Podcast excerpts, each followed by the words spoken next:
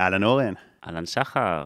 אז היום אנחנו נדבר על 11 סגנונות תקשורת, אבל לא הסגנונות תקשורת שבדרך כלל מתייחסים אליהם כשאומרים את המילה סגנונות תקשורת, אלא לפי שיטת התדר, שתכף נסביר מהי, ואנחנו נעבור על הסגנונות, אה, לא על כולם מה שנספיק, ונבין בכל סגנון איפה הבן אדם הזה לא מובן, איפה יש לו קצרים בתקשורת, שזה משהו שמאוד uh, עוזר ללמוד אותו. נבין מה החוזקות שאותו סגנון מביא לתקשורת ואיפה הוא יכול להתבטא יותר טוב, וגם מהם נקודות התורפה שלו, ששוב, זה משהו שמאוד חזק לזהות את נקודות התורפה שלנו. שוב, זה 11 סגנונות, יש לנו שעה לפודקאסט, אז אה, נעשה מה שנספיק, כי אני מעדיף שנעשה עומק, שלא נרוץ כזה בלחץ, אלא מה שניכנס, נתעמק, נבין אותו כמו שצריך, ומי שירצה להמשיך, אז גם נשים קישור פה למטה לסדנה חינמית של שעתיים וחצי שאתם מעבירים בנושא. מה שאנחנו נתחיל איתו, זה קודם כל עם הכי נפוצים, ואז נדבר על אלה שהם התדר שלי, כי זה יהיה מעניין, זה יהיה אישי, אבל קודם כל, אני רוצה שתגיד ממש בכמה מילים, מהי בכלל שיטת התדר, מה זה הדבר הזה? אז אה, שיטת התדר זו שיטה שהתפתחה לפני אה, בערך 15 שנה בישראל. היא מיושמת כיום כבר בשבע מדינות בעולם, ועשרות אלפי אנשים כבר חוו אותה. זו שיטה שהיא בעצם אומרת שאנחנו מגיעים לעולם לא טאבולה ראסה, אנחנו לא מגיעים דף חלק, אנחנו מגיעים עם איזשהו מטען, והמטען הזה, הוא מכתיב את השפה הפנימית שלנו, שאחר כך יכתיב גם את סגנון התקשורת שלנו. אני תמיד שואל אנשים שיש להם יותר מילד אחד, האם הם שמו לב שמרגע הלידה, הילדים שלהם שונים בתכלית. ועוד לא פגשתי הורה אחד שאמר לי, לא, הם כולם נולדו אותו הדבר, אבל עם הצטברות של חוויות החיים, הם הפכו להיות שונים אחד מהשני. למה? כי כל אחד מאיתנו מגיע ונולד ומגיע לעולם הזה כבר עם איזשהו מטען. עכשיו, בדרך כלל בתהליכי התפתחות, מה שעושים זה שהולכים וחוקרים איזה טראומות קרו לי במהלך החיים שהובילו לדפוסים שקיימים כיום. ומה ששיטת התדר אומרת, זה שחלק מהדפוסים של ההווה שלנו מצויים בטראומות ובחוויות ילדות, אבל חלק הם מולדים והם קשורים לתדר שלנו. ושיטת התדר ממפה את התדר הזה באמצעות מבחן ריחות חדשני. זאת אומרת שהדרך לאבחן את התדר הזה זה באמצעות חוש הריח. יש לנו ערכה של ריחות שכוללת 11 פורמולות, ומה שבעצם התגלה בשיטה הזאת על ידי שוש מניקס, שהיא אימא שלי אגב, זה שאנשים שונים נמשכים לריחות שונים. אנשים עם תדרים שונים נמשכים לריחות שונים, ובתהליך אלימינציה מסוים אנחנו מגיעים לריח שהבן אדם הכי אוהב, ולריח השני שהבן אדם הכי אוהב, מתוך ערכת הריחות שלנו, ואז מקבלים מפה מדויקת, שמאפשרת לעשות הבחנה בין מה מולד בחיים שלנו, למה נרכש בחיים שלנו. כן, ואני חושב שמה שיפה בנושא גם שבחרנו היום, זה ש... לדעתי זה בכל מקרה מעניין להבין את זה. זאת אומרת, הסגנונות אישיות האלה ותקשורת שמדברים עליהם, גם אם אין תדרים מולדים, גם אם לא עשינו מבחן ריחות, עדיין, כאילו מעצם זה שנדבר על זה, אז אנחנו נזהה, אה, וואי, אני מכיר בן אדם שזה הסגנון שלו. וזה לא משנה כי אם זה קשור לריח או לא קשור לריח, אה, למרות ששוב, זה כאילו כן מגניב ממש לעשות את אה, מבחן הריחות, אבל רציתי שנעשה בנושא הזה, כי ככה או ככה אתם מאמינים בזה, אתם לא מאמינים בזה, סגנונות תקשורת זה משהו ש, שיש אותו לאנשים, זאת אומרת, ואתם תוכלו לזהות את זה, וברגע שת, שתזהו, הופה, לי יש את הסגנון הזה, לבן אדם הזה יש את הסגנון הזה, ככה אני יכול לדבר איתו, זה נקודות התורפה שלו, זה החוזקות שלו. פה נוצרים הקצרים, אני חושב שזה יהיה סופר uh, מעניין. לגמרי, אני הרבה פעמים שאני רואה בני אדם, אני לא יודע מה התדר שלהם, כי לא עשיתי להם את, uh, את אבחון התדר, אבל עצם זה שאני יודע על 11 השפות האלה, עצם זה שאני יודע על 11 הסגנונות האלה, זה מאפשר לי להבין אנשים שלא ידעתי שקיימים. לא ידעתי, יש כל מיני צורות ב-11 שפות האלה ו-11 הסגנונות האלה, שמי דמיין בכלל שמסתובבים אנשים בעולם שזו חוויית החיים הפנימית שלהם. כן, וואי, זה... הרבה פעמים זה מרגיש לנו שכולם אה, כמונו. נכון. כולם חושבים כמונו, ומה, יש אנשים שזה לא ככה אצלם? שהם לא חווים ככה את העולם? ממש, ואם אני לא הייתי מכיר את השפות האלה, אני חושב שאני הייתי הרבה יותר שיפוטי. כי אני פשוט הייתי רואה בן אדם שאני לא מבין, והוא ישר היה נכנס לי למגירת המוזר. למרות שיש מיליוני אנשים בדיוק כמוהו שמסתובבים בעולם, אבל לא יודעים עליהם. כן. אז בוא נתחיל ישר עם הסגנון הראשון שנדבר עליו היום, וזה עוצמת הפנימיות. אז עוצמת הפנימיות זה תדר מספר 6, זה התדר הכי נפוץ בישראל בקרב האוכלוסייה היהודית, וזה גם התדר הראשי שלי. בעצם בכל בן אדם יש את כל התדרים, את כל המהויות האלה, אבל לא בצורה שווה. מה שאנחנו מאבחנים זה את הצבע הכי חזק, את הסגנון הכי חזק ואת הסגנון השני הכי חזק בבן אדם. אז אצלי המהות החזקה ביותר זה עוצמת הפנימיות. כשגיליתי שזה התדר הכי נפוץ, מה זה התבאסתי? הדבר שהכי רציתי זה שיאבחנו אותי, ואז המאבחנת תפער את פיה, הלשון שלה תתגלגל כמו בסרטים המצוירים, והיא תגיד, אני לא מאמינה. ואז התחושה שלי, שהסתובבתי איתה כל החיים, שאני בן אדם נדיר, סוף סוף תוכח. אבל באסה, בסוף יצא שאני התדר הכי נפוץ.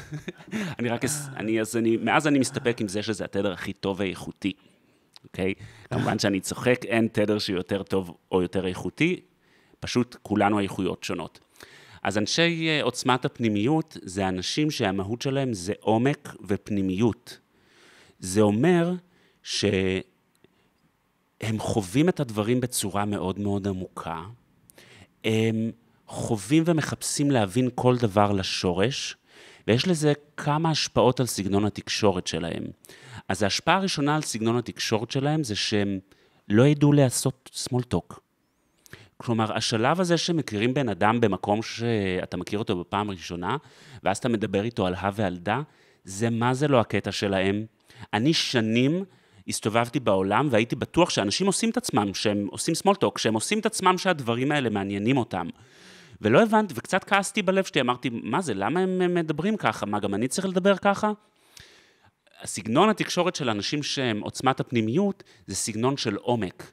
ולכן, הרבה פעמים אתה תראה שאתה נקלע איתם לשיחות מאוד מאוד עמוקות, או פילוסופיות, או אפילו חושפניות. הם לא יחשפו, אגב, אתה תיחשף בפניהם, אתה תמצא את עצמך פתאום נחשף בפניהם, מאוד מאוד מהר. ולפעמים זה גם להם לרועץ, כי הרבה פעמים הם נתפסים כאנשים קצת כבדים בסגנון התקשורת שלהם, אתה מבין? כי הם ידברו על דברים מאוד מאוד עמוקים, ודברים שהם לא עמוקים מאוד, נושאים משמעותיים. רגע, אז אתה אומר שזה הכי נפוץ אצל יהודים. נכון, יפה. אז הנתונים, עיקר הנתונים שיש לנו במאגר של אנשים שעברו את האבחון הזה, הם בישראל. אה, בקרב האוכלוסייה היהודית, יש לנו מאוד מדינות, אבל המאגר המרכזי הוא מישראל, וכן, זה התדר הכי נפוץ. מעניין, מעניין. זה מסתדר לך? בעולם. כן. גם בתוך הפסיכולוגיה, יש פסיכולוגיה שיותר כזה בודקת את, ה, את המוח, או או תהליכים קוגניטיביים ודברים כזה יותר מדעיים, ויש אה, פסיכולוגיה שיותר אה, כמו, כמו פרויד כזה, כן, אה, שחוקרת את המעמקים של הנפש, ויותר כזה קצת פילוסופיה, היא פחות כזה מדע מדויק. כן. אני חושב שאחוז מאוד מאוד גדול שם יהודים. נגיד פעם שהסתכלתי על איזו רשימה של 100 פסיכולוגים שהכי השפיעו, זאת אומרת, הכי ציטטו אותם במאמרים וכאלה, אז באמת היו שם הרבה יהודים, ביותר עומק של הדברים, פה דברים הפחות מדעיים, זאת אומרת, הפ... הפחות כזה שיורדים לרזולוציות הקטנות של המחקרים. הפחות טכניים כן. וסטטיסטיים ויותר מהותיים. כן. די מעניין. אז אני לא מופתע. ואם נחזור לסגנונות התקשורת, של, לסגנון התקשורת של אה, אנשים שהם אה, עוצמת הפנימיות, אז אה, אתם תפגשו אנשים שהם טיפה יותר מכונסים בעצמם, שנראה שרצים להם סרטים בראש, שזה מה שקורה הרבה פעמים, אנשי עוצמת הפנימיות, זה אנשים שנשאבים לתוך הפנימיות שלהם, ואז הם מסוגלים לבהות בקיר במשך שעתיים. ונורא ייהנו מזה, כי מבחינתם הם אה, אה, עכשיו עוברים על כל הסרטים שרצים להם בראש, וזה מאוד מוחשי עבורם. אז הסגנון שלהם הוא יותר מכונס, יהיה להם יותר קשה ליצור קשר, אה, והרבה פעמים הם גם יהיו יותר זהירים. בגלל שהם חווים דברים מאוד לעומק, אז uh, הם הרבה פעמים יותר נזהרים בתקשורת שלהם. והדרך לתקשר איתם זה על ידי זה שפשוט מאוד פונים אליהם. אפשר ליזום, הרבה פעמים נראים אנשים שאולי הם קצת סנובים, כי הם כזה מסתדרים עם עצמם ואוהבים להיות לבד, אבל הם מאוד מאוד צריכים את ההושטת יד הזאת, כי הרבה פעמים להם עצמם קשה לעשות את זה. אז איפה הם עוד לא מובנים? ככה אמרת את זה כבר. אז הקצרים הנפוצים, יש להם אה, סטנדרטים מאוד מאוד גבוהים של uh, מוסר. הם אנשים ששואפים uh, מאוד להיות מדויקים, אותנטיים, הם אוהבי אמת בצורה קיצונית, ולכן בסגנון התקשורת שלהם, הרבה פעמים הם אה, יתקנו את הבן אדם שמולם, או ישלימו לו את המשפטים, או כמו שאמרתי, ידייקו אותו, כי הדיוק נורא נורא חשוב להם. אז כדי לתקשר איתם טוב, צריך לאפשר להם לעשות את זה בלי להיעלב, מבחינתם זה דרך שלהם לעזור לנו. לדבר על דברים שהם, אה, של דברים של עומק, והדבר הכי חשוב, אותנטיות ואמיתיות. לא צריך להסתיר מהם דברים. הם נורא רגישים לפוזה, אז ככל שיבואו איתם פשוט נקי, ככה יותר יוכלו לחדור לתוך הלב שלהם. ואם זה הפוך, אם בן אדם מזהה שזה הסגנון שלו, והוא מבין, וואלה, יש לי את הקצר הזה, אני, אני כל הזמן מדייק אנשים בכוונה טובה, והם לוקחים את זה רע, אז מה הוא יכול לעשות? אז אני יכול להגיד לך את התהליך שלי, אני הייתי בן אדם אה, מאוד קשה. תחילת הדרך שלי. הייתי בן אדם אה, עם סטנדרטים מוסריים ומאוד מאוד גבוהים, והייתי יכול לפסול אנשים על, על חוסר מושלמות אנושית. הייתי נעלב מזה אפילו. נגיד בן אדם שהוא כזה אומר חצי, כזה מנסה לייפה את הדברים מתוך החוסר ביטחון שלו, זה קורה לכולנו. הייתי יכול לפסול את הבן אדם עצמו. אתן לך דוגמה, אני למדתי בבית ספר שנקרא ניסן נתיב, זה בית ספר למשחק, ואני הייתי במחזור האחרון שלמד עם ניסן נתיב עצמו. ויום אחד גיליתי שהוא קיבל את אחת התלמידות אחרי שכבר נגמרו האודישנים. והסיבה שהוא קיבל אותה אחרי שנגמרו האודישנים, זה כי אבא שלה מלמד בבית ספר, והוא גם שחקן מאוד מפורסם. ומבחינתי זהו, זה פסל את הבן אדם, זה איקס אחד גדול. ניסן היה בן אדם כזה נורא אה, נושא דגל המוסריות בעולם התיאטרון. הרבה אומר דברי תוכחה על מה שמתרחש בתיאטראות.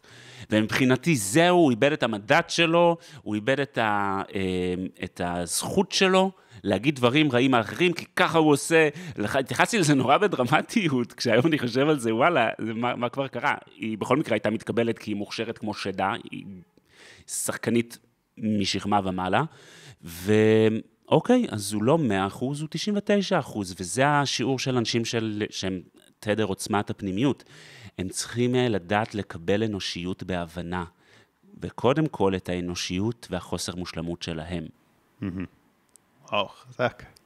בוא נדבר על מה החוזקות שהם מביאים לתקשורת. אז אה, אנשי תדר 6, יהיה להם מאוד קשה לשקר. כמו שאמרנו, אתה יכול לסמוך עליהם, על רובם, בעיניים עצומות. פעם אחת אה, אימא שלי נסעה לחו"ל כשהייתי ילד, והיא ביקשה שאם דודה שלי מתקשרת, שאני לא אגיד לה איפה הם, אוקיי? היא לא רצתה שהיא תדע שהיא בחו"ל. ואז אה, דודה שלי מתקשרת ושואלת אותי, תגיד, אורן, איפה אימא?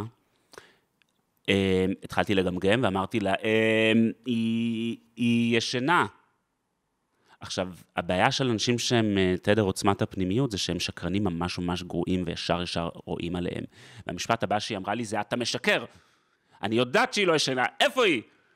ואז התחלתי עוד יותר לגמגם, um, אני, um, לא, לא שיקרתי, היא באמת ישנה, רק uh, לא אמרתי איפה היא ישנה.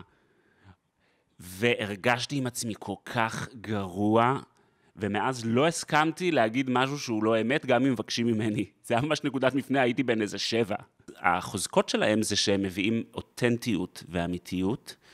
אנשים מאוד עמוקים, והם רואים את הפנימיות של הבן אדם, ולכן מאוד מאוד קל להיפתח בפניהם.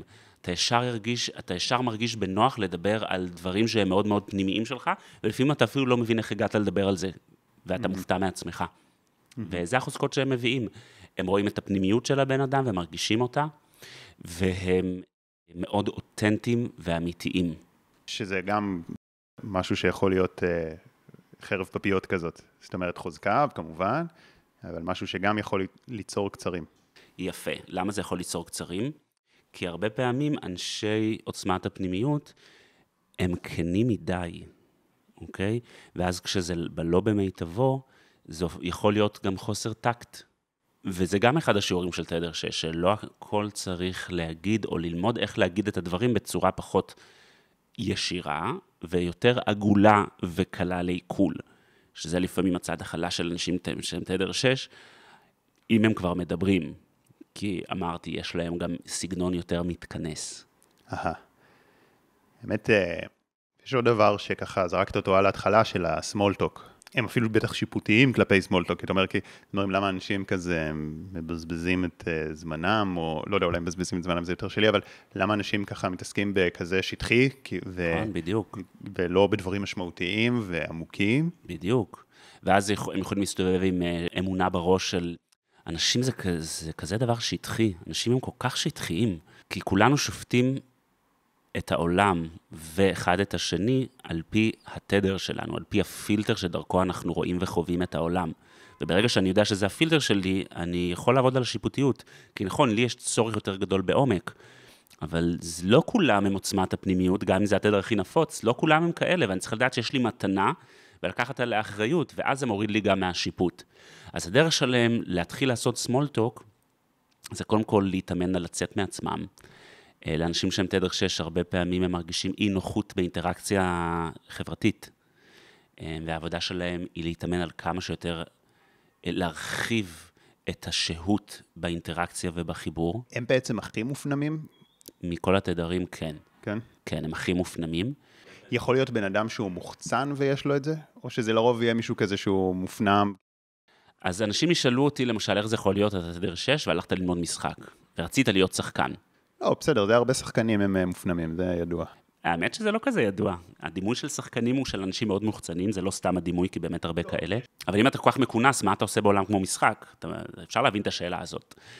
אמ, וזה מצחיק, כי בשנה השלישית ללימודים שלי, התחלתי לעשות אבחונים לחברים שלי בכיתה. וראיתי שכל מי שהוא תדר עוצמת הפנימיות, בתמונות, אתה תמיד תראה אותם בצד. אתה מבין? בתמונות הקבוצתיות, הכוונה. כשכל שאר השחקנים כזה נלחמים על להיות במרכז, אתה תראה את כל האנשים שהם תדר 6 נמצאים בשוליים, ולא, אין להם את האינסטינקט הזה של לקחת את הפוקוס, או להיכנס למרכז, ובטח לא לדחוף את השני. אז אה, אני אחדד גם מה שאמרתי, קודם כל זו הבחנה חזקה, אבל פשוט מה שכזה זה לא הפתיע אותי, אה, כי נכון, כי מן הסתם רוב השחקנים הם, או יותר מ-50 אחוז הם כנראה מוחצנים, פשוט בגלל שעסקתי לא מעט בביטחון עצמי והערכה עצמית, אז uh, יצא שכל מיני אנשים אפילו מוכרים, שהם מאוד כריזמטיים ומאוד יודעים לדבר, אז uh, שיתפו אותי ופנו אליי בדברים כאלה, וזה בהתחלה באמת מאוד הפתיע אותי, ואז אז, uh, היום זה כזה מצב שזה לא כל כך מפתיע אותי, אבל אתה צודק, זה באמת קצת מפתיע. כן. זה גם אותי הפתיע בהתחלה. אז אתה אומר, הם יהיו הכי מופנמים יחסית, גם הכי ביישנים גם אפשר להגיד, או שיש תדר יותר ביישן? יש עוד כמה בייש... שיכולים להיות ביישנים, הוא אחד מהם. אבל בעניין של ה small talk, הדרך שלהם לעשות את זה, זה להרחיב את השהות בתוך חיבור, ולראות את העומק שב small talk. כלומר, small talk זה דבר מאוד, צריך ל... ברגע שאני מבין את התפקיד שלו, ואני מבין שלא כולם אוהבים ישר לצלול לעומק, אני יכול לראות את זה כמשהו שהוא עמוק. כשאני מדבר עם מישהו על דברים שהם שטחיים, אני מתחיל להתעורר למה קורה בלב שלנו. כי לב זה לפעמים נפתח ישר, אבל רוב הפעמים לוקח זמן לפתוח את הלב. וסמולטוק זה קצת כמו ללוש את הבצק. אז כשאני עושה סמולטוק עם מישהו, אני לש לו את הלב. אתה מבין? וזה דימוי שהוא מאוד מאוד עמוק, וזה יכול לפתוח את, ה, את הפתח לאנשי עוצמת הפנימיות, להתחיל לעשות סמולטוק וליהנות מסמולטוק. עכשיו, אני רוצה רגע להגיד משהו באופן כללי על השיחה שלנו ועל קונספט של סגנונות תקשורת, ו... בכל שיטה שהיא, יש, יש הרבה שיטות של אה, סגנונות אישיות והרבה תיאוריות, ואני חושב שבכל אלה שיצא לי להכיר, הטובות יותר, אז בכולנו יש את הכל, כי אנחנו מאוד מורכבים, ובכולנו יש את הכל. השאלה היא רק מה יותר דומיננטי, כי בדיוק. אני בטוח שכל בן אדם בעולם, גם אם הוא הכי מוחצן והכי אה, small talk, הוא יכול גם להזדהות עם דברים שאמרנו פה, גם אם זה אפילו התדר הכי נמוך שלו, זאת אומרת, אה, הכי פחות דומיננטי. אז זה כן משהו לקחת את זה בחשבון, בכולנו יש את הכל, וגם, ואני חושב שגם אם משהו זה לא התדר שלנו, אז זה עדיין, זה גם מעניין להבין את זה, כי אז אוקיי, אז איך אני יכול יותר לפתח מהאיכויות האלה, יותר להיפתח לזה. בפעם הבאה שאתם נמצאים בכנס, ואתם מרגישים שאתם נבלעים בתוך עצמכם עם כל האנשים שכולם מדברים עם כולם, ואתם מרגישים שנורא נורא קשה לכם ליצור קשר עם מישהו, אז מאוד יכול להיות שזה קשור לתדר שלכם. ואם אתם רואים מישהו כזה, שהוא כזה, נראה שהוא עם עצמו, ואולי הוא נראה קצת סנוב, אולי הוא מתרחק. יכול להיות שזה התדר שלו, והוא פשוט לא יודע איך לצאת מעצמו. ושווה פשוט ללכת ולדבר איתו, הוא מאוד מאוד יודה לכם על זה. כן, חזק. בכלל, אה, אני מניח שיש עוד תדרים שהם נתפסים מהצד סנובים, שזה לא היחיד, וזה משהו חזק. הרבה, הרבה אנשים שנתפסים כאדישים, הם מאוד לא אדישים, הם פשוט כזה לא יודעים איך להוציא את זה בתקשורת, ואז אם אתה יכול לבוא ולדבר איתם, ולעשות את הצעד הראשון, ולפתוח, וככה ללוש את הלב. אתה מזדהה עם זה? זה אז כאילו קורה משהו אה, משמעותי. כן, קצת. תכף נדבר על התדר שלי, נשמור את זה רגע להמשך. אני חושב שזה יהיה מעניין, חוץ מזה שאני יכול להביא יותר דוגמאות, כשנדבר על, על שלי, אז גם הגיוני שמאזינים של הפודקאסט הזה, יש אחוז יותר גדול מאשר באוכלוסייה שהם בתדר דומה לשלי. כי זה תדר, אני מניח, מושך תדר הזה, אני חושב שזה יהיה מעניין לדבר על זה. זה נקודה אה, משמעותית גם של לא לשפוט אנשים. ואם אני אסכם רגע את, גם את מה שאמרתי אה, לגבי זה שיש בנו את הכל, אבל גם לזכור שיש בנו את הכל, אז, אז אנחנו יכולים גם, אנחנו, זה לא אומר שזה גורלנו, אנחנו יכולים לפתח גם את האיכויות שהן לא הכי דומיננטיות שלנו, כי יש בנו את הכל. נכון. זה גם לזכור את זה. נכון. זה, זה לא איזה גורל.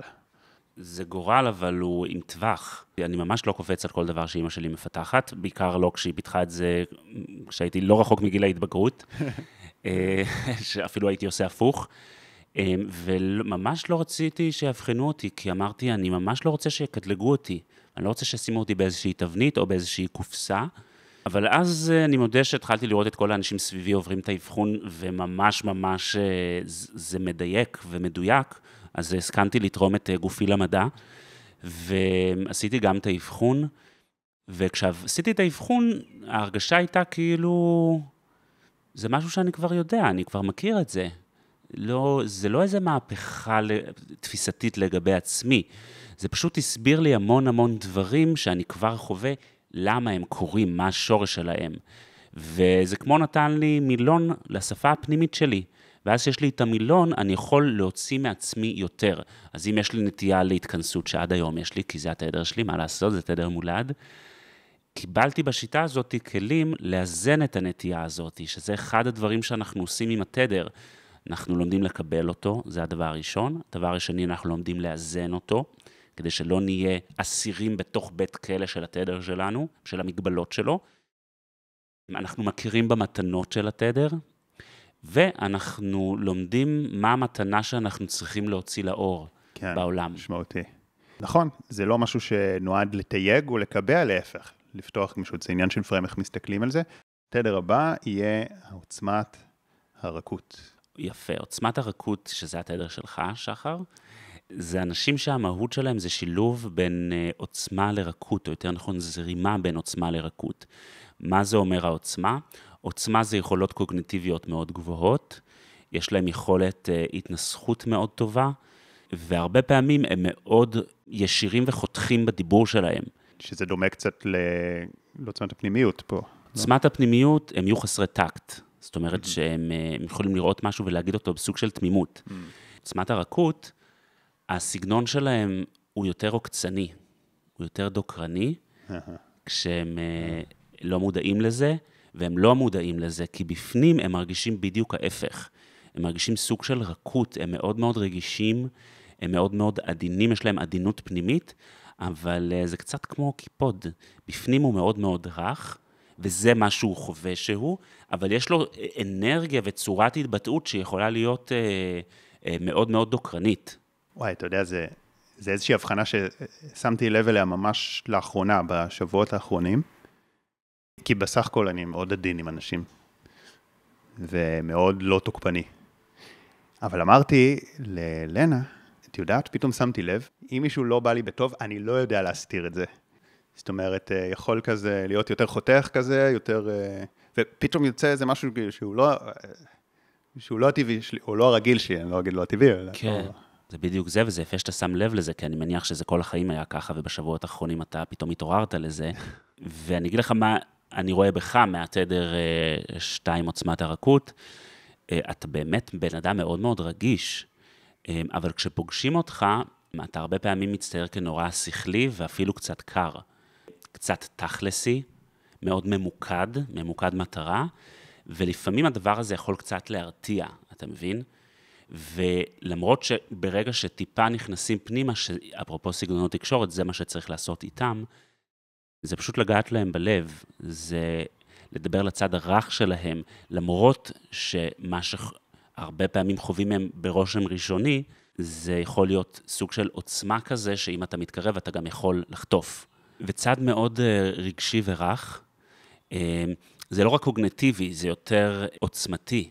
יש, הם נעים במנעד של עוצמה ורקות, יש להם יכולות להוביל, לחתוך דברים, ליצור דברים, להוביל דברים, אבל במקביל יש להם גם צד שהוא מאוד מאוד רך, שהוא מאוד משתלב, שהוא מאוד יכול גם לאמץ כיוון של אחרים ולשכוח מעצמם.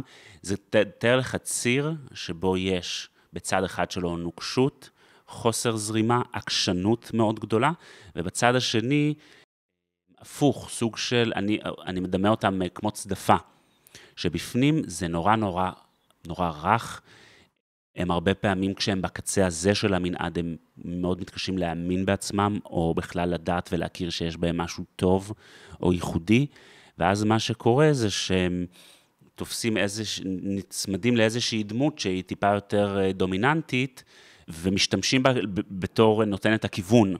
כן, כשעשינו את האבחון שלי, התחברתי לשני הדברים. כי זה, בעצם מה שתיארת עכשיו זה שני המקומות שבהם התדר לא מאוזן. כשהוא מאוזן, נכון, זה משהו אחר. נכון. אה, לכל תדר יש לו, כשהוא, כשהוא לא מאוזן וכשהוא מאוזן. אז כי אני חושב שאת שני החוסר איזונים האלה חוויתי, גם את החוסר איזון של חוסר ביטחון, ולהיצמד לאיזה דמות דומיננטית שתוביל אותי, כאילו, כאילו של להיות לא מאוזן לכיוון הרכות. אה, זה, זה תכלס אפילו עוד יותר. אבל גם החוסר איזון לכיוון העוצמה של להיות כזה קצת נוקשה ואדיש וכאלה, זאת אומרת, בתקופות לא מאוזנות חוויתי גם וגם, וכמובן בתקופות מאוזנות את היתרונות של התדר הזה. בואו נדבר רגע על החוזקות ואז נדבר על נקודות תורפה ופעולה מובן. אז מה החוזקות של התדר? כי דיברנו רגע על שני חוסר איזונים. אנשים יקרים, מיד נמשיך בפרק. רק רציתי לספר לכם, שאם אתם אוהבים את הפודקאסט, אני מזמין אתכם להצטרף בחינם אל קבוצת הוואטסאפ הסגורה, שבה אני שולח פעם בשבוע משפט השראה, פלוס תוכן מעצים ואיכותי. קישור ההצטרפות נמצא בתיאור למטה. וגם מזמין אתכם לעקוב באינסטגרם ובטיק טוק. שם תוכלו למצוא סרטונים ממוקדים, וככה לצרוך תוכן משמעותי שתורם להתפתחות שלכם באופן יומיומי. ואם גם בא לכם לשתף את הפרק בסטורי ולתייג אותי, תדעו שאני תמיד משתף גם אצלי, ואני מאוד מעריך ומוקיר את השיתופים שלכם. זה עוזר לי להגיע לעוד אנשים ונותן לי מוטיבציה להמשיך להשקיע ולייצר את התכנים הכי איכותיים שאני יכול. מודה לכם על ההאזנה והתמיכה, ואנחנו ממשיכים. אז החוזקות של התדר מופיעות כשהוא במיטבו, ואז מה שקורה זה שהוא יודע לזרום עם השני, אבל גם להוביל ולסמוך על עצמו, על האינטואיציות שלו, על הקול הפנימי שלו, על היכולות שלו, והוא יודע לייצר זרימה, הוא יודע לייצר זרימה אצל אנשים, הוא יודע לייצר זרימה בתוך צוותים, הוא יודע לייצר uh, זרימה של uh, התקדמות לכיוונים מסוימים. החוזקות שלו זה שהוא מביא משהו עוצמתי, אבל הוא יודע לתקשר את זה בצורה רכה. זה הסגנון תקשורת שלו כשהוא במיטבו.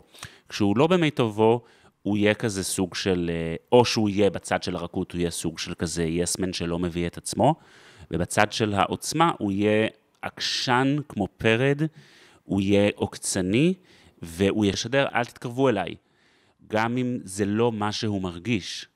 ואז מה שקורה זה שכשאנשים מרגישים את זה, כשהוא בצד של העוצמה, בלא במיטבו, הם אה, או מתרחקים או משיבים מלחמה, והוא לא מבין על מה, על למה נלחמים בו.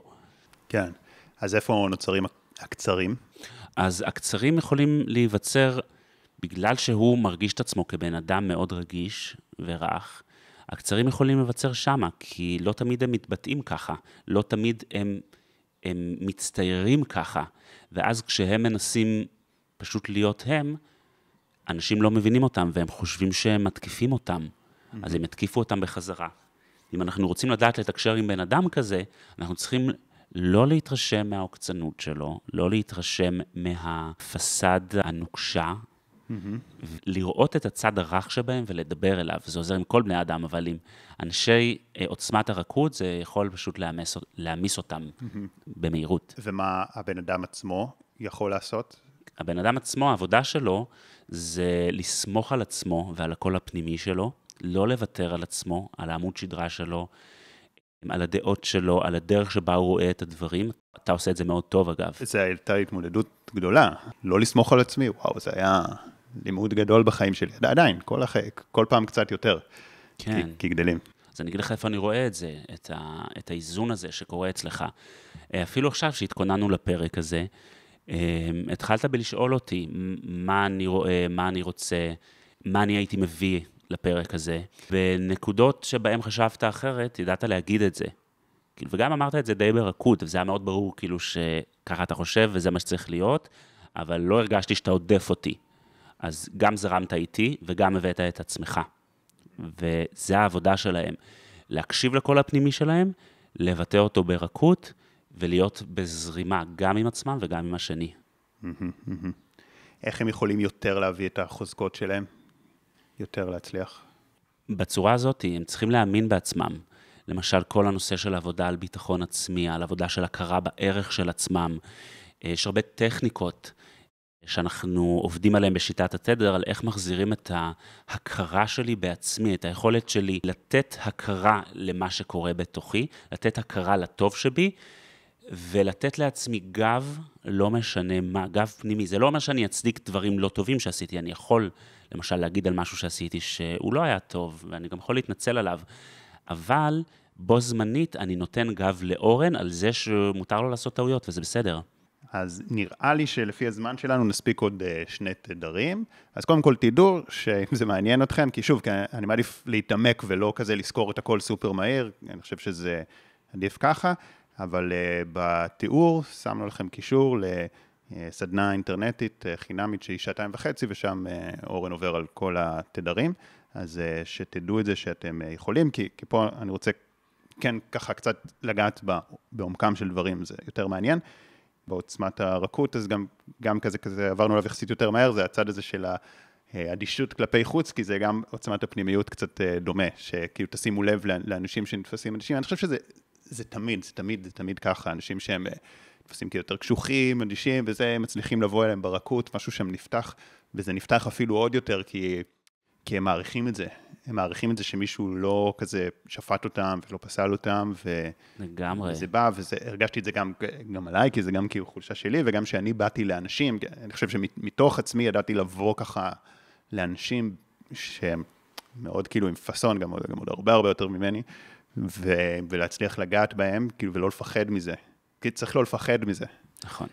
אני חושב שבאופן כללי אנחנו רוב הזמן עסוקים באיך אנחנו נתפסים, אה, ועסוקים בעצמנו. והאם אוהבים אותנו, איך רואים אותנו, האם אנחנו שווים בעיני אנשים, מאשר פשוט אה, להיות אלה שאוהבים, ואלה שמעריכים, ואלה שמאירים את הטוב.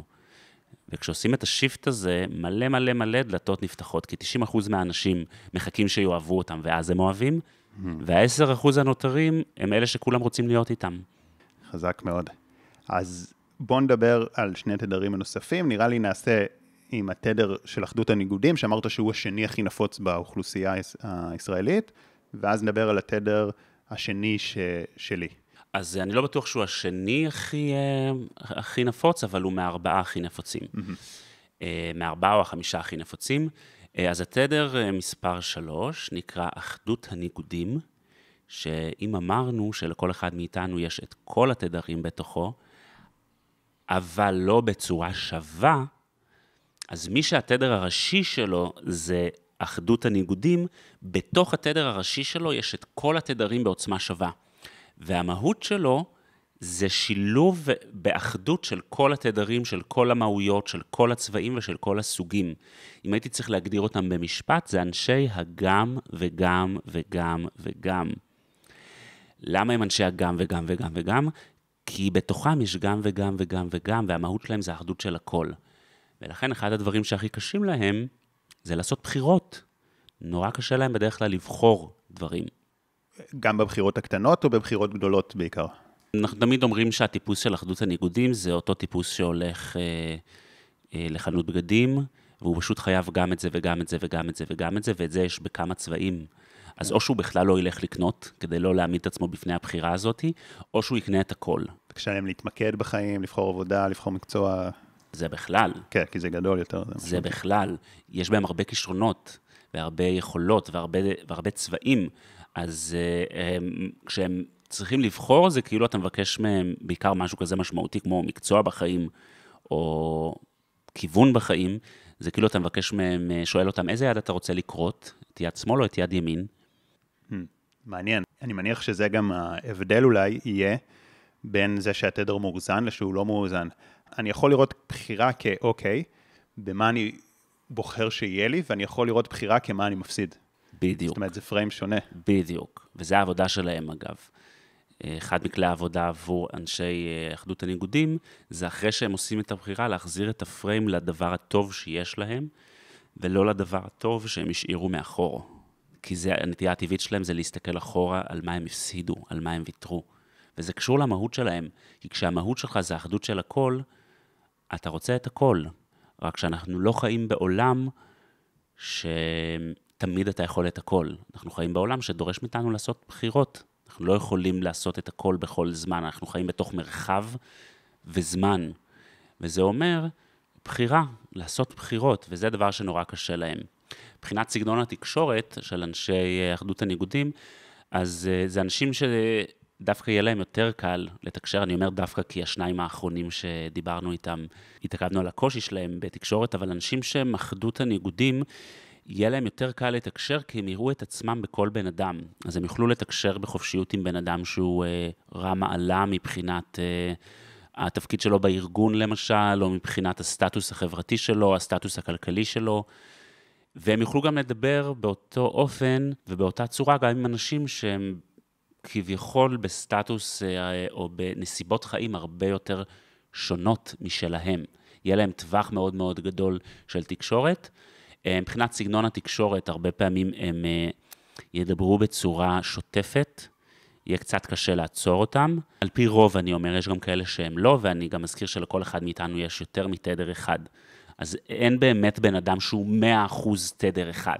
זה הכל השפעות ושילובים מאוד מאוד מעניינים. כן, אגב, אני אגיד משהו מעניין לגבי זה, ששוב, בכל מיני מודלים כאלה של סגנונות אישיות ותקשורת, אז אתה תמיד אומר, טוב, זה חוכמה בדיעבד. כאילו, אתה קודם מזהה את הסגנון שלך, ואז אתה יודע להתאים את זה, וזה נכון, זה באמת בעיה בדברים כאלה, במיוחד שאומרים לך, אין, אין לך משהו שהוא הכי, שהוא הכל וזה, אבל אני חושב שנגיד משהו יפה, נגיד, שחשבתי פה, שהוא באמת, נגיד, אה, אתה יודע, כי אני יכול רק לגבי עצמי, שאני כן מרגיש שזה מדויק, שאמרת שלהם יש כאילו המון קושי עם קבלת החלטות ובחירות. מרגיש שג... נכון. שגם לי יש את זה, mm-hmm.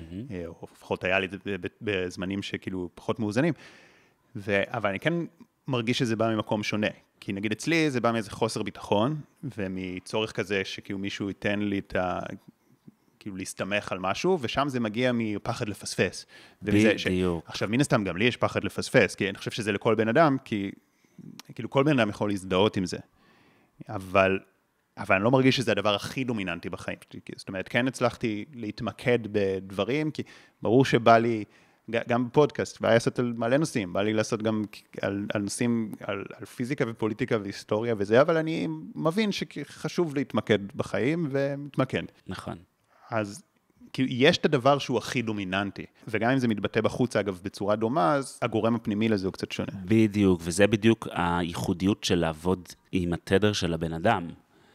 כי קיימות היום הרבה שיטות של אימון, של טיפול, שהן מדהימות וטובות. אבל uh, הרבה פעמים אין את ההבחנה בשורש שקשור לתדר של הבן אדם. אז כמו שאמרת, לשני אנשים שיבואו אליי נניח לאימון, או לסמינר התדר, או למועדון התדר, ושניהם יבואו עם קושי לבחור. אחד הוא תדר שלוש, אחדות הניגודים, וזה יהיה קשור אצלו לקושי מפספוס, לפחד מפספוס. יבוא אליי מישהו שהוא תדר שתיים, עוצמת הרכות, שאצלו זה קשור לזה שהוא מתקשה לסמוך על עצמו. ו... יבוא תדר שהוא עוצמת הפנימיות, שזה גם תדר שדיברנו עליו, ואצלו הקושי לבחור זה כי אין לו את כל הפרטים. הוא לא יודע הכל באופן מושלם. הוא יעדיף תמיד ללמוד, ללמוד, ללמוד, לחקור, לחקור, לחקור, לחקור, ובסוף הוא לא יעשה את הצעד. אתה מבין? כי אנשי עוצמת הפנימיות, כשהם לא במיטבם, יש להם נטייה למחשבה של אפס או מאה. אז אם הם לא יודעים 100, הם יודעים רק 90 אחוז, יהיה להם קשה לעשות בחירה. ואיתם העבודה תהיה ללמוד תוך כדי תנועה. קודם כל תנוע, קודם כל תתקדם. אז אה, נחזור לאחדות הניגודים, אז אה, די ברור גם מה החוזקה שלו, הוא יכול לגעת בהרבה מאוד אנשים, הוא מבין הרבה מאוד, הוא, הוא תכלס אה, יותר קל לו בתקשורת. מה נקודות התורפה שלו? נקודות התורפה שלו זה התפזרות. הוא יכול להיות בן אדם שבסגנון תקשורת שלו יעמיס המון המון פרטים. כי מבחינתו גם זה חשוב וגם זה חשוב וגם זה חשוב. לפעמים יהיה לו קושי להבחין בין עיקר לטפל, שוב, בגלל הצורת תקשורת של הגם וגם וגם וגם, ואז הדרך לתקשר איתם זה פשוט להציע להם, להציע להם עזרה במיקוד. אז כשאני מדבר עם אנשים שאני רואה שהסגנון תקשורת שלהם הוא של אחדות הניגודים, אני שואל, זה בסדר שאני אמקד אותך? Mm-hmm. זה בסדר שאני אתמקד? ואז בדרך כלל תופסים את זה בשתי ידיים, כן, כן, בטח, בטח, בטח, כן, ברור, תמקד אותי, כן. יש לי בעיה בזה, אני מודע, כן, אנשים מודעים לזה, נכון. בגלל שהמהות שלהם זה אחדות, יש להם קושי יוצא דופן יותר מאחרים עם קונפליקטים. ולכן, לפעמים יפתחו אה, סגנון תקשורת שהוא לא ישיר, שהוא עקיף.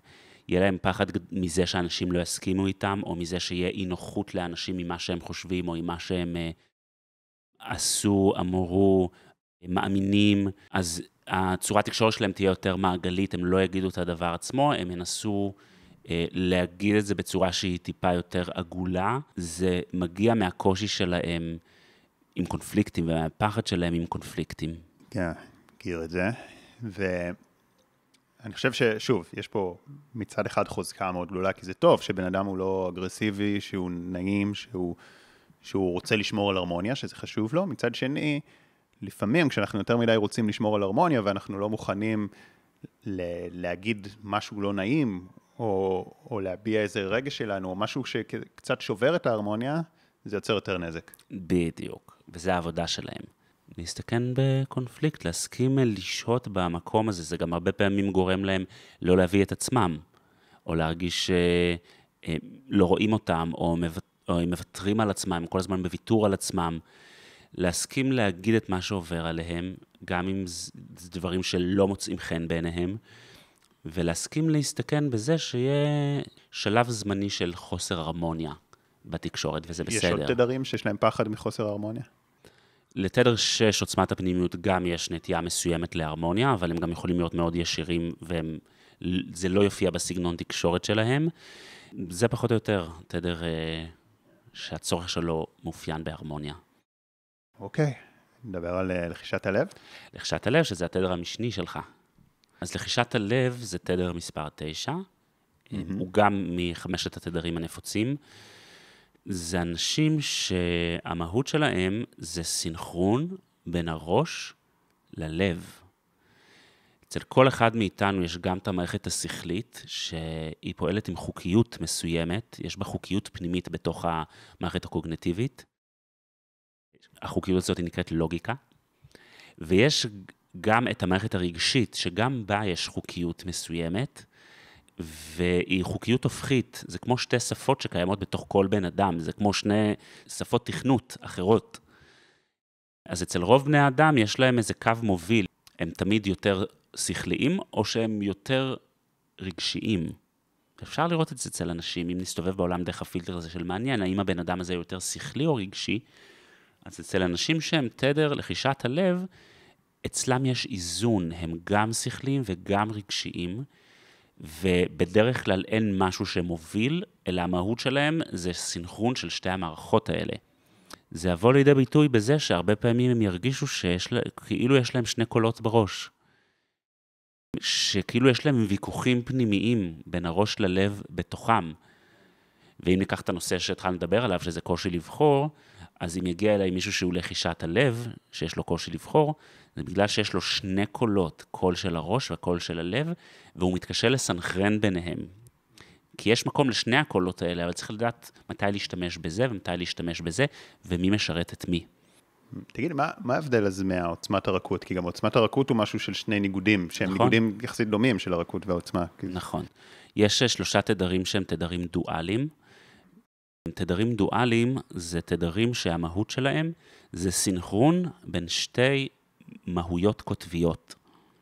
אז יש לנו את לחישת הלב, שזה ראש ולב, יש לנו את עוצמת הרכות, שזה עוצמה, פריצה, אמונה עצמית, אל מול רכות, שזה היכולת לזרום, שזה היכולת להיות רך, שזה היכולת ללכת ולהתמסר, יכולת ההתמסרות, זה התדר הדואלי השני, והתדר הדואלי השלישי נקרא שמיים וארץ, שזה התדר השני הכי נדיר.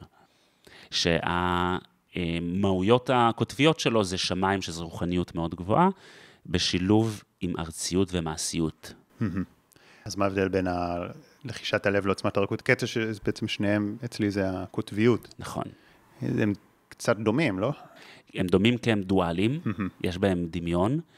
הם שונים כי הם על שני צירים אחרים. אה, אוקיי. איפה יש לו קצרים? כשהם במיטבם יש סנכרון בין הראש ללב, וכשהם לא במיטבם, הם נוטים לאחד הצדדים. היותר נפוץ זה שהם מתנתקים מהלב ועוברים לדבר רק דרך הראש. למרות שהם מאוד מאוד, אה, הם מאוד לבביים, המערכת הרגשית שלהם מאוד מאוד אה, נוכחת, רק שהיא נקברת. ואז יהיה להם קושי עם עצמם, הם לא יבינו למה החיים שלהם לא עובדים, הם יכולים להיות מאוד מצליחים, אבל הם uh, ירגישו מאוד מאוד לא מסופקים, ירגישו שיש איזה משהו שהם פשוט הולכים ומתים מבפנים. בעוד שאר האנשים, הם יכולים לעסוק בדברים שהם לגמרי שכליים, והם יהיו סבבה עם זה, יש המון כאלה. אבל הם לא יוכלו לעשות את זה, כי המהות שלהם זה זיכרון בין הראש ללב, ואם הם יעשו משהו שהוא רק ראש, זה סותר את המהות שלהם. מבחינת תקשורת, מה שאנחנו נראה, זה אנשים שמדברים אה, או בצורה מאוד שכלית לגמרי, או בצורה מאוד רגשית, או בשילוב של שניהם. איך זה נראה שילוב של שניהם? הם יגידו לך משהו, ואז הם יגידו לך את הדבר ההפוך. למשל, אני חושב שככה וככה וככה וככה, שאני בן אדם אה, מאוד כזה וכזה וכזה, ואז אחרי דקה הם יגידו, כן, אבל אני חושב שאני בן אדם, ויגידו את ההפך. כשאנחנו לומדים את הסגנון תקשורת של לחישת הלב, אנחנו לומדים להבחין באנשים שהם מדברים כמו שני אנשים שנמצאים בבן אדם אחד. הם יכולים להגיד משהו, דקה אחרי זה להגיד את הדבר ההפוך. למה? כי בדקה הראשונה הם ידברו מהראש, ואז כשהם יעברו ללב, לזווית של הלב, הם יגידו משהו שיכול להישמע הפוך. איך זה מתבטא בתקשורת כבעיה? מה נקודות התורפה שלהם? אז uh, בתקשורת ובכלל ביחסים, אנשים שהם לחישת הלב זה אנשים uh, מאוד חדירים. יש להם uh, חדירות מאוד גדולה. מה זה אומר חדירות? זה אומר שאנרגיה שסביבם חודרת לתוכם בקלות, רגשות של אחרים יכולים לחדור לתוכם בקלות. הם מאוד מאוד רגישים לניואנסים שקורים בסביבה, והם חווים את הרגשות של הבן אדם בעוצמה מאוד מאוד גדולה. אז בסגנון תקשורת, הרבה פעמים הם יעדפו אנשים מעליהם. איך הם יעשו את זה? הם, יכול להיות שהם יתרחקו. זה לא אומר ש... זה לא, זה לא הטיפוס המתכנס כמו תדר 6, הוא פשוט יהיה עם עצמו, אלא זה ההרגשה של האנשים סביב, סביב אנשי לחישת הלב, זה שכאילו עודפים אותם, שכאילו אתה קרוב מדי, תתרחק. למה זה ככה? כי בגלל שאנשי תדר לחישת הלב הם מאוד חדירים, אז הם חווים את האנרגיות ואת הרגשות של השני בווליומים יותר, יותר גבוהים. הם הרבה פעמים אנשים שהם היפרסנסיטיביים, למשל. הם חווים אה, את החושים שלהם בצורה מאוד מאוד מוגברת. אז אם אני חווה אותך ואת הרגשות שלך בצורה מאוד מוגברת, אני לפעמים אצטרך להרחיק ולהדוף אותך כדי שזה לא יחדור לתוכי. זה מנגנון הגנה הגיוני בסך הכל. הוא מאוד הגיוני בהתאם לתדר שלהם.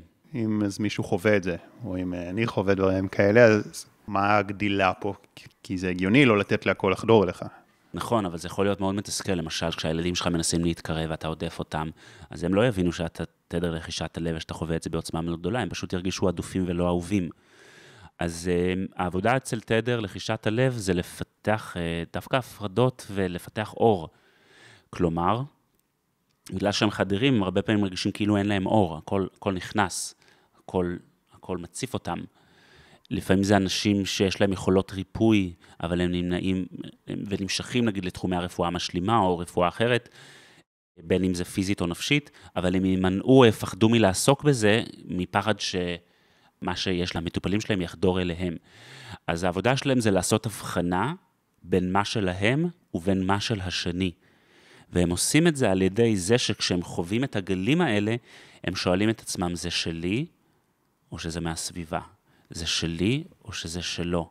ואז לאט לאט השאלה הזאת מתחילה לייצר אצלם איזושהי הפרדה. אבל יש פה איזה, כי אתה אומר לפתח אור, אבל זה פחות או יותר מה שהוא עשה, זאת אומרת, אפשר לקחת את זה לשני כיוונים. אפשר לפתח אור של פיל בקטע רע, במנגנון נכון. הגנה רע, ואז אני... יש הפרדה ביני לבין הסביבה, שזה מה שאני לא רוצה. זה כאילו מה שאמרת, אז כאילו עכשיו הילד רוצה להתקרב ואני לא יכול לתת לו להתקרב. ויש הפרדה שהיא בקטע טוב, ש, שאני כן נותן להתקרב, אבל בפנים אני לא לוקח אישית, או, אז איך לוקחים את המנגנון הגנה החיובי ולא את המזיק? קודם כל זה אימון בשבילם. זה כמו שאצל אנשי עוצמת הפנימיות, האימון שלהם זה לצאת החוצה. זה הדרך שבה הם מאזנים את התדר. והאימון של אנשים שהם תדר לחישת הלב, זה לתת לאנשים להתקרב, להסכים להרגיש את מה שמגיע עם זה, ולזכור שזה לא שלהם. זה ממש עבוד, סוג של עבודה קוגניטיבית שהם עושים. זה שכשהם מרגישים את הגלים האלה, הם שואלים, רגע, זה שלי או שלא? ואז הם מזכירים לעצמם, העצב הזה שעכשיו עובר בתוכי הוא לא שלי. וזה עוזר, זה פותח. כמה שבועות לפני שבאתי אליכם לאבחון, אז בדיוק עשיתי לוגו ושם למרכז ללימודי NLP, כי רציתי שזה לא יהיה רק שחר כהן, שעוד אה, מרצים שמשלימים את החוזקות שלי, וככה ממש אה, השקעתי מחשבה בבחירת השם ובבחירת הלוגו, ובחרתי את השם אה, Heart Mind. heart mind. heart mind, לב ו mind זה, אפשר לתרגם את זה כתודעה, אבל גם כחלק האינטלקטואלי של התודעה. זאת אומרת, אהבתי שזה גם וגם, כי זה גם, כי גם אפשר לתרגם את זה תודעת לב, כאילו שאת, כי אומרים שהתודעה נמצאת בלב, אבל גם אפשר לתאר את זה כבדיוק מה שדיברת על לחישת הלב, שזה השכל אה, ורגש. אז זה מעניין שבחרנו את זה, גם סיפרת לי על נראה לי שלא יהיה בעיה שהוא יגיד את השם, אבל בכל זאת אני לא אגיד, ככה רק ליתר ביטחון.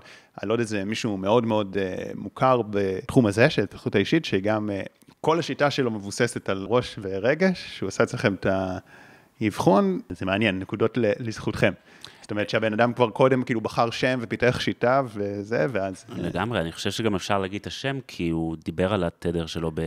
בסרטון יוטיוב שנמצא וקיים. אה, מעולה, זה ניסים המון. נכון, אז אחת הבוגרות שלנו, אה, שקוראים לה מיטל גורט, הסופרת מיטל גורט, שכתבה גם אה, רבי מכר, בתחום של העזרה העצמית, של איך נשים יכולות אה, לעשות כסף ממה שהן אוהבות, אבחנה אותו. למדה אצלו, ובזמן שהיא למדה אצלנו, היא הלכה ועשתה לו אבחון.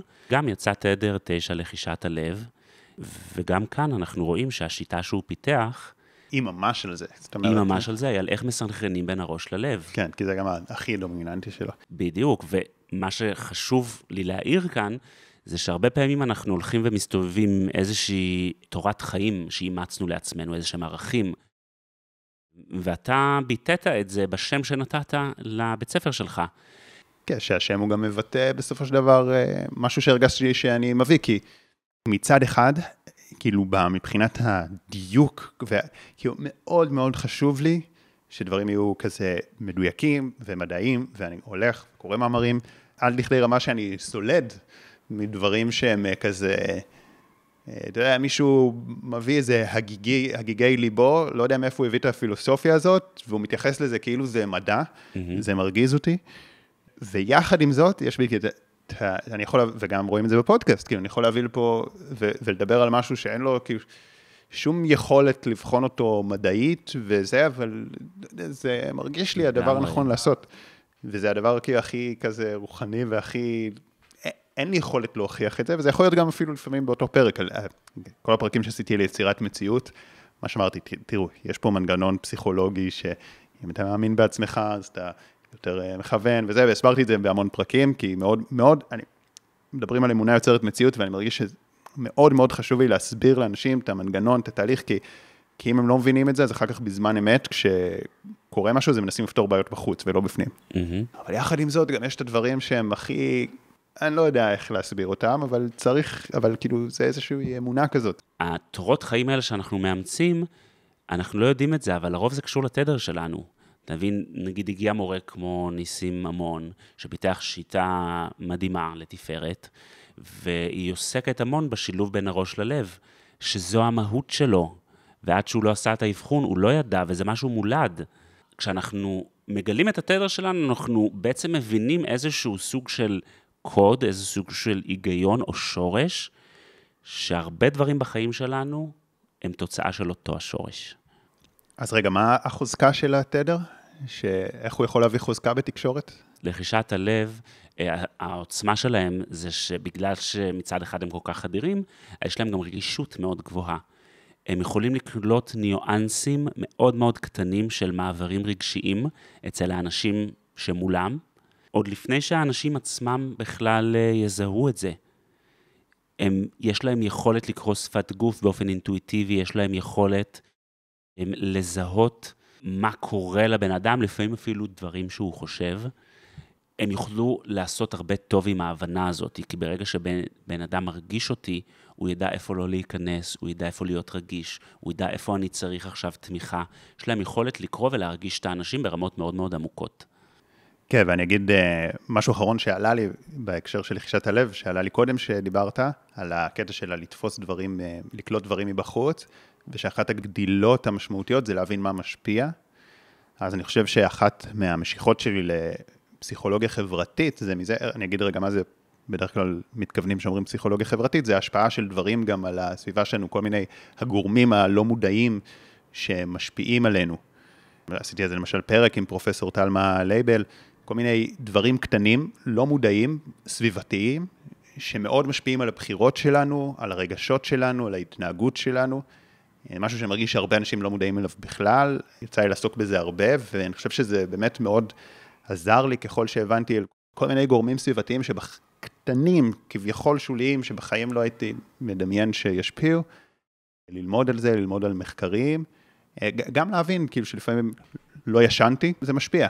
זאת אומרת, תמיד תפסתי את זה גם באיזשהו מקום, כאילו, להיות כזה, להכיר באנושיות שלנו ולהיות כזה בענווה, שאני לא יכול לסמוך על כוח הרצון שלי, אלא להבין שיש כי המון גורמים שהם משפיעים עליי, וכאילו הסביבה חשובה. אחד הניסויים המפורסמים בפסיכולוגיה חברתית, הניסוי של מיליגרם, שהוא חשמל אנשים וגרם לאנשים לחשמל אה, אחרים כביכול. אז מה כל הקטע בניסוי של מיליגרם, אם אתם לא מכירים, תכתבו בגוגל, יש לי גם מאמר על זה. כל מיני השפעות לא מודעות, כמו זה שהנסיין היה עם חלוק לבן, כמו כל מיני דברים, זה שזה היה הדרגתי, ועוד הרבה השפעות, אה, גרמו לאנשים להגיע למצב הזה שהם אה, מחשמלים, וזה היה הקטע של הניסוי, שבחנו אם זה באוניברסיטה כזאת, אם זה זה, אם, אם אומרים פקודה כזו או אחרת, איך זה משפיע. אני חושב שזה מאוד אה, חזק להיות מודעים לדברים האלה, באופן כללי אני מאמין שכדאי להיות מודעים לדברים האלה, כי אחרת מאוד קל אה, לש, לשלוט בנו וזה, אבל פשוט לקחתי את זה עכשיו לקטע של התדר שלי, גם, אתה יודע, זה עזר לא לקחת את זה יותר מדי כאילו באופן פנימי, אבל שוב, זה משהו שאני חושב שכל בן אדם כדאי לו ללמוד ולהתעמק בו, mm-hmm. אבל אולי באמת, לא סתם, גם זה מאוד עניין אותי והתעמקתי בהרבה דברים כאלה. Mm-hmm. לגמרי. אז טוב, נכנסנו לעומק, אה, לארבעה תדרים ולסגנונות התקשורת של התדרים האלה. אמרנו שנשים גם אה, קישור למטה, למי שרוצה ככה לזכור את כל השאר, יש לך עוד סדנה אינטרנטית אה, שלמה בנושא בחינם, אני אשים את הקישור. מילה לסיכום. העולם שלנו מלא בהמון המון צבעים, והצבעים האלה נמצאים גם בתוכנו, אבל גם בתוך uh, כל בני האדם שנמצאים סביבנו. כשלמדתי את כל 11 התדרים, הרגשתי שאני נכנס כמו לאיזה סרט של national geographic, כשהם יורדים למצולות, ופתאום יש אה, מלא דגים עם מלא צבעים, וכל אחד נראה אחרת, עם צבע אחר וגודל אחר. ומסתבר שגם בני האדם הם כאלה, אנחנו מבחינת הגוף אולי נראים פחות או יותר אותו הדבר, אבל מבחינת השפה הפנימית שלנו והמהות המולדת שלנו, אנחנו יצורים שונים לגמרי ומאוד מאוד מגוונים. כן. אז אה, לגמרי, ואני חושב שזה חזק אה, להבין את זה, אה, גם לגבי אחרים, שוב, זה גם לדעתי טוב להבין את זה לגבי עצמנו, כי דגש שלי מאוד חשוב להביא בכל פעם שאני עושה איזשהו פרק שהוא קשור, שהוא מתייג אנשים, בין שזה עכשיו ממש סגנון אישיות, גם שעשיתי, לא יודע, הפרעות קשב וריכוז, שזה מאוד כזה מתייג את הבן אדם, זה, זה האישיות שלו, זה האבחון והתיוג הוא לעולם לא כדי לתייג ולקבע. אם כתוצאה מהאבחון הבן אדם התקבע, אז זה יצר את התוצאה ההפוכה ממה שרצינו, נזק. זה רק להבין דברים בתוכי, אוקיי, כי אין מה לעשות, יש לי קצרים בתקשורת מסוימים, נכון. יש לי נקודות תורפה, ויש לי גם חוזקות שאני יכול יותר להביא אותם. ואם אני לא מודע לקשיים ולנקודות התורפה ולחולשות שלי, אז יכול להיות שאני אתפוס אותם בצורה מאוד שלילית, שאני דפוק. ואם אני מבין, אה, אוקיי, זה נקודת תורפה שלי, ככה אני יכול לעבוד עליה, זה הפתרון, אז אני הרבה יותר יכול לקבל את עצמי, ובמקום לסבול מהחולשות שלי, ליהנות מהחוזקות שלי. וגם, לדעת שאני תמיד יכול להרחיב את עצמי, זאת אומרת, זה רק מה שקצת, מה שיותר דומיננטי, זה, זה אף פעם, זה לא כזה, כי בסופו של דבר אנחנו הכל, בסופו של דבר, אם בן אדם יעשה התפתחות אישית עד, עד אין סוף, אז כאילו...